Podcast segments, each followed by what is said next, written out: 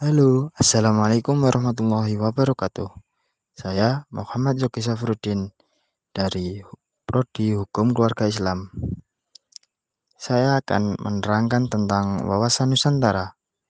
Wawasan Nusantara merupakan cara pandang terhadap bangsa dengan tujuan menjaga persatuan dan kesatuan yang diwujudkan dengan mengutamakan kepentingan nasional dibanding kepentingan pribadi, kelompok, atau golongan tertentu.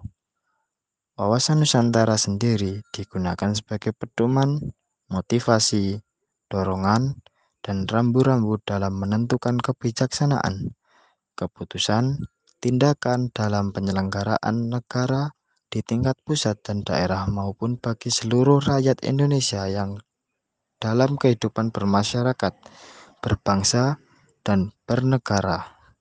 Sekian, wassalamualaikum warahmatullahi wabarakatuh.